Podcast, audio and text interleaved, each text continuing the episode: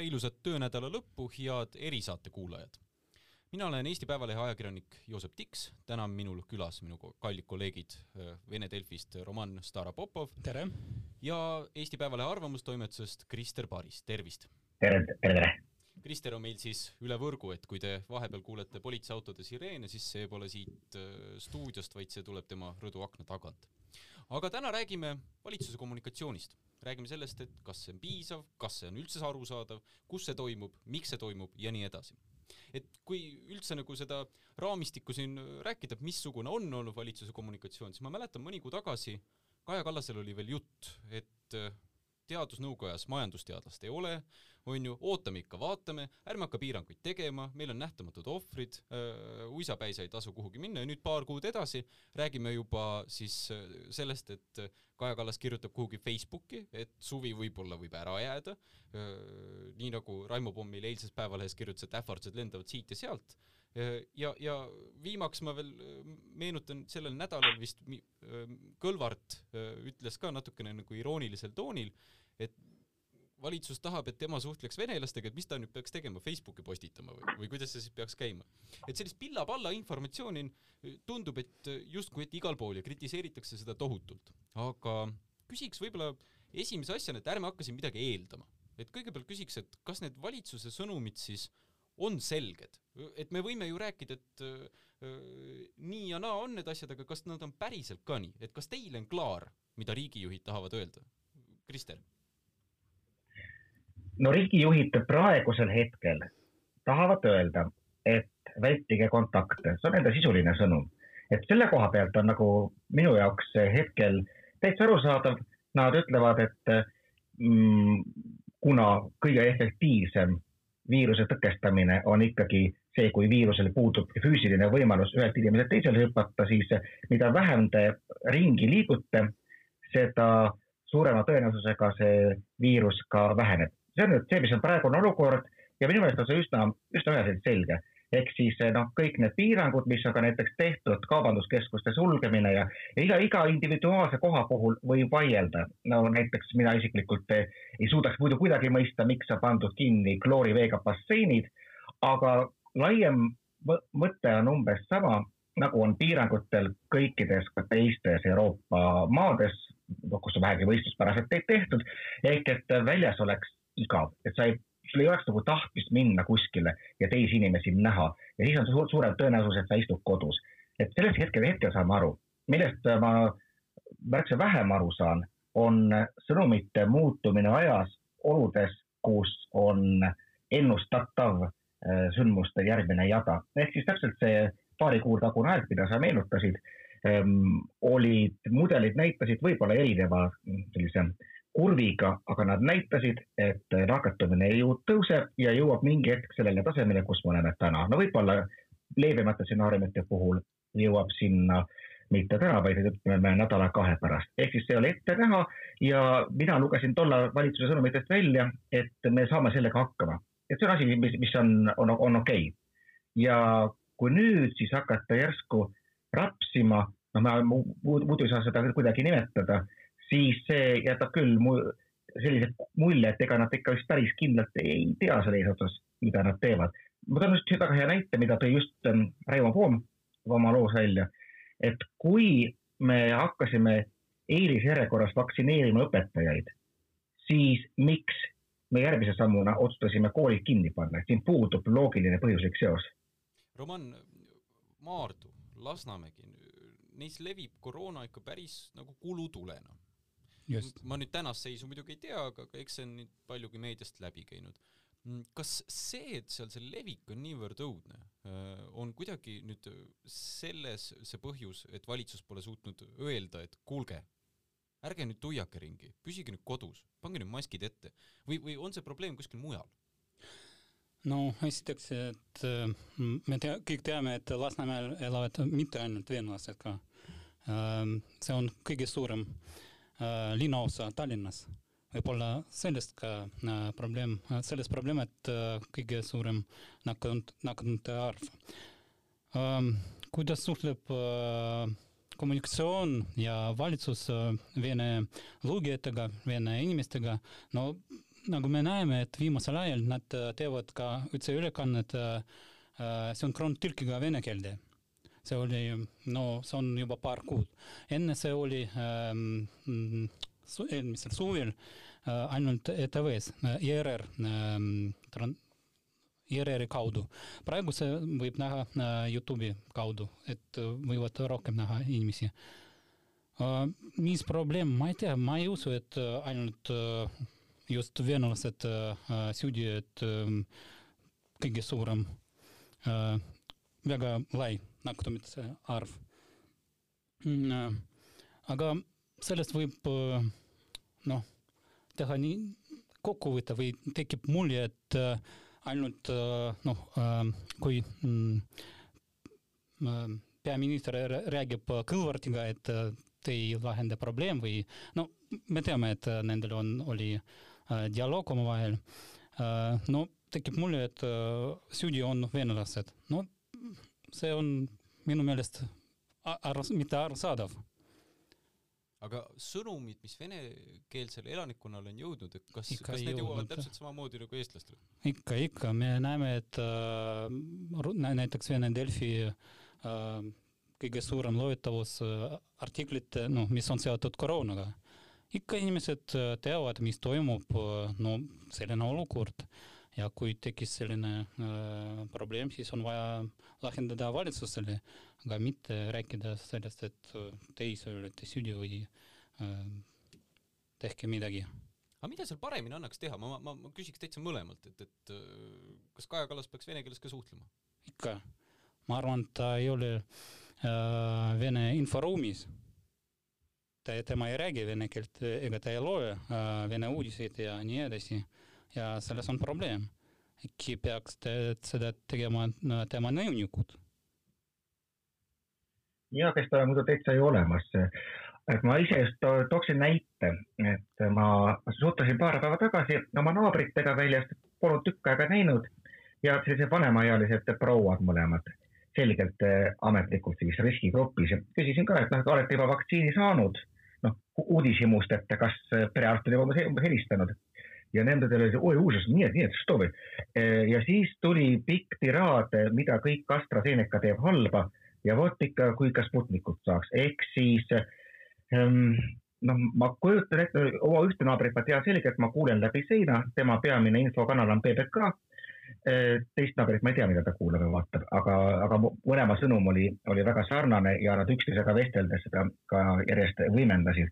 nii et ma mõtlen, kui kunagi näiteks Tallinn ostis saateid äh, PBK-sse, kus tehti siis noh, olemuselt ikkagi reklaami Kõlvartile ja, ja Keskerakonnale, siis noh, põhimõtteliselt see, see kanal on meil jätkuvalt olemas ja, ja tuleb ideoloogiliselt võib-olla vastuolud äh, kõrvale jätta sellise epideemia valguses. Ja mõtle, meie siin kogu aeg kirume, et Keskerakond ostab PBK-sse eetriaega, aga nüüd oleks siis see hetk, kus nad peaksid seda tegema, ma saan aru, et Kõlvart äh, peaks minema toolile, laskma ennast AstraZenecaga vaktsineerida ja näit-, näitama, et, et äh, pole see Sputnik nüüd küll ainus variant, et saab kõikide vaktsiinidega hakkama. just. no sel-, no selle, sellest jah, ju tegelikult selle pandeemia alguses ju juba räägiti, see oli muide üks, üks ju ka Tallinna linna kaitseargument, et, et et üks asi on ideoloogia ja see, kuidas me suhtume PBK üldisesse konteksti, aga teisest küljest, kui me tahame üldse et sõnumid jõuaksid kohale, siis sõnumid peavad olema kanalid, mida inimesed jälgivad, et muidu me võime taeva minna, minna metsa ja hüüda nii palju, kui tahame, et vaadake, selline ohtlik tõbi on tulnud. mul on tunne, et seda usaldamatust on ju igal pool, vahet pole, oled sa eestlane, venelane, vana või noor, et noh, vaatame praegu eelmine nädalavahetus vist sõideti autodega kuskil haiglate eest läbi ja tehti, on ju, tuudutati, et, et äh, vaktsiinid on jamad, maske pole vaja ja koroonat pole olemas, on ju aga samamoodi ka on ju sinu naabrinaised, kes räägivad, et, et AstraZeneca on halb, noh, neil on võib-olla natuke kergem see seis, aga Sputnikut nad usaldavad. aga kuidas seda usaldust luua? ma saan, noh, see, see ei ole ju poliitiline küsimus, see usaldus, aga, aga see, kes peab seda tekitama, on poliitiline agent, see on valitsus. no sest no, ma lisan, et äh, Vene meedia ei kirjuta, et Sputnik on halb, aga muidu äh, venelased loevad ka Vene väljaandeid ja meedias väga-väga-väga vähe äh, selliseid uudiseid ja selles ja seetõttu tekib äh, mulje, et AstraZeneca on noh, väga halb. ja aktiivselt Vene meedia, just Vene meedia äh, kirjutab äh, AstraZenecast. no Putin sai nüüd vaktsiini, mis vaktsiini ta sai? aga ta ei räägi Öeldi, minu arust öeldi, et üks kolm, üks kolmest kodumaisest variandist, see jäeti, jäädi jah, kuidagi väga niimoodi umbemääraseks ja, ja, ja ega ju Putin ei näidanud, et ta ennast vaktsineeris. nii et, äh, aga no mis puudutab äh, usalduse, mm, usaldust, siis äh, üks jällegi võtmekohti on sõnumite selgus, et meil näiteks Päevalehes ilmus väga huvitav lugu Katri Keremilt, kes on Estonian Business School'i turunduse professor ning tema tõi näitena siis jätkuvalt ametlikult kehtiva sellise loosungi, et püsi kodus. Aga see on ilmselgelt eh, sisutühi loosung, mida see täpselt üldse tähendab, kas ma pean püsima ainult korteri ukse taga või ma ikka võin nagu maja eest käia või ja, ja kuni see muutub selliseks ambivalentseks, siis see nõrgestab automaatselt ka kõikide teiste sõnumite sisu, et noh, kui ma juba ühte reeglit, mis on nagu põhiline reegel, noh, tegelikult ju võin rikkuda, ma tegelikult võin poes käia, ma tegelikult võin tööl käia, kui väga vajan ja sõita siis bussiga, siis järelikult me suhtume täpselt samamoodi ka kõikidesse teistesse sõnumitesse. ehk siis need sõnumid on ennast devalveerinud ja, ja pigem kutsuvad inimesi üles noh, lähenema nendesse loominguliselt, aga mis, mis, mis usaldus on selles suhtes, sellise valitsuse suhtes, kes ütleb, et noh, tehke nii või tehke naa, et ma üldiselt tahaks, tahaks, et te teeksite niimoodi. see võib-olla, see on mitte kriisiolukorras, võib-olla just see, nagu valitsus peabki käituma, et ma, ma ei, ma ei ütle teile ette, mida te peate tegema, aga ka kui me tahame näha kriisi juhtimist, no siis, on sõnumi selgus väga tähtis, et see on selgelt keelatud, see on tõesti su enda valik. no ja see on selline nii-öelda üldine soovitus, et näiteks seesama Kerem pakkus isegi välja, et võiks olla sõnumite juures nagu Aasia restoranides, et üks kaun või kaks kauna või kolm kauna.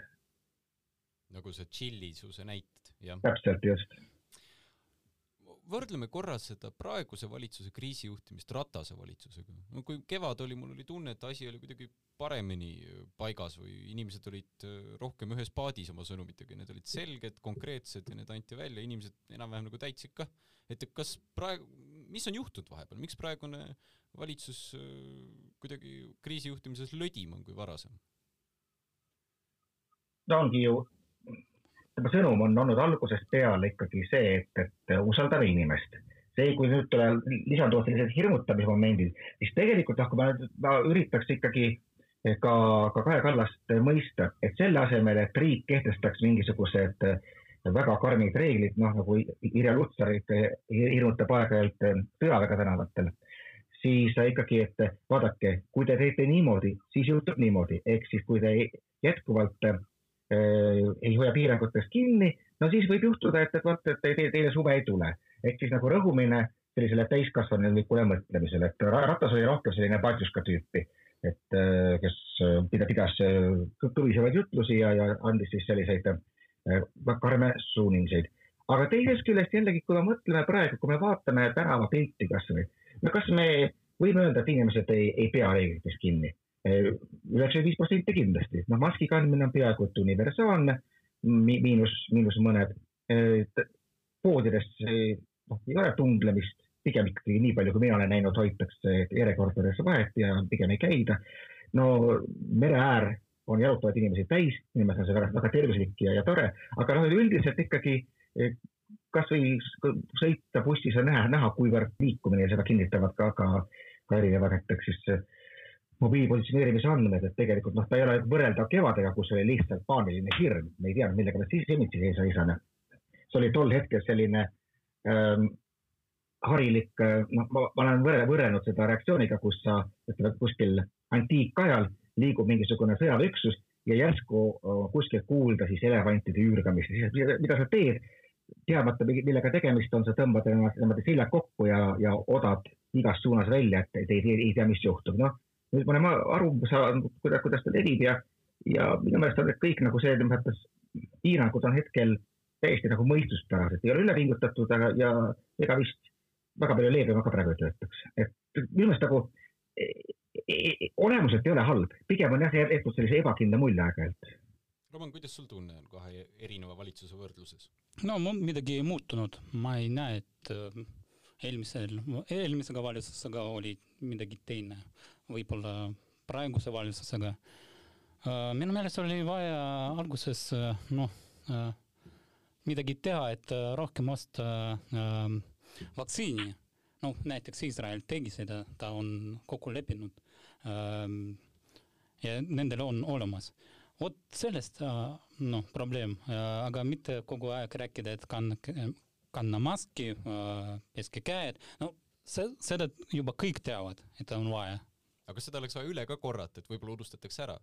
kui me jaanuaris vaatasime, ma, ma mõtlen, väga huvitav oli paar kuud tagasi, ma kogu aeg, ma sõidan ühistranspordiga, vaatasin trammi peal, et paljud siis teised maski kannavad, et jutt on küll, et noh, me nüüd kohustuslikuks ei tee, aga palun kandke maski. vaatasin, alguses olin mina üksi, onju, võib-olla paar inimest veel ja niimoodi ükshaaval hakkas vaikselt nagu tulema, siis numbrid hakkasid kasvama, asi läks hulluks, riigile pandi lisapiirangud peale no okei okay,, nüüd on siis inimestel maskid peal, et inimene on ikka väga visa võtma mingisuguseid reegleid või piiranguid vastu no ma arvan, et selline probleem mitte meil ainult Eestis, aga mujal ka. Ähm, no äh, viimasel ajal ma näen, et äh, poes inimesed äh, kannavad maski. no muidu need ei lasta poodi lihtsalt. no lihtsalt see on ka ja, aga praegu ma elan kesklinnas noh, paar kuud tagasi elasin Lasnamäel ja kui võrrelda, mis oli noh, pool aastat tagasi siis jaa, sest siis keegi ei kandnud maski. aga äh, sügisel ma olin äh, Armeenias.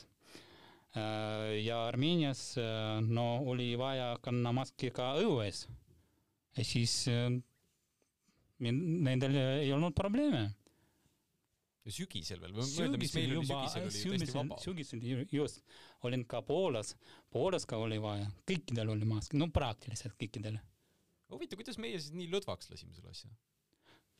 no vaata, kui huvitav, kui me mõtleme näiteks tagasi kasvõi kevadele, kui me räägime sõnumi selgusest. no mis selgusest saab rääkida olukorras, kus valitsus tegelikult saatis kevadel või valitsuse esindajad teadusnõukogude saates välja signaale, et noh, ega see mask noh, on nagu on, et ju väga palju abi ei ole ja et ärge väga muretsege ja no me kõik saame aru, et see oli sellepärast, et maske ei olnud saada ja ei tahetud inimestele tekitada sellist võimetuse tunnet aga noh, nüüd ja jällegi, kui sa mõtled selle tagasi, siis on täiesti õigustatud inimestel, kui tekib küsimus, et, et mis meie teadmistes on vahepeal muutunud, et arvatavasti mitte midagi. järelikult, kui meil alguses öeldi, et ei ole vaja, nüüd öeldakse, et on vaja, miks ma peaksin seda kõike usaldama? no lõpuks ma, ma saan ikkagi praegu aru, et ikkagi ennekõike mängib mitte niivõrd see sund, tõesti ega kontrollmehhanismi eriti ei ole, kui ikkagi noh, inimene on valdavalt ikkagi ratsionaalne ja ellujäämisele suunatud olend ja, ja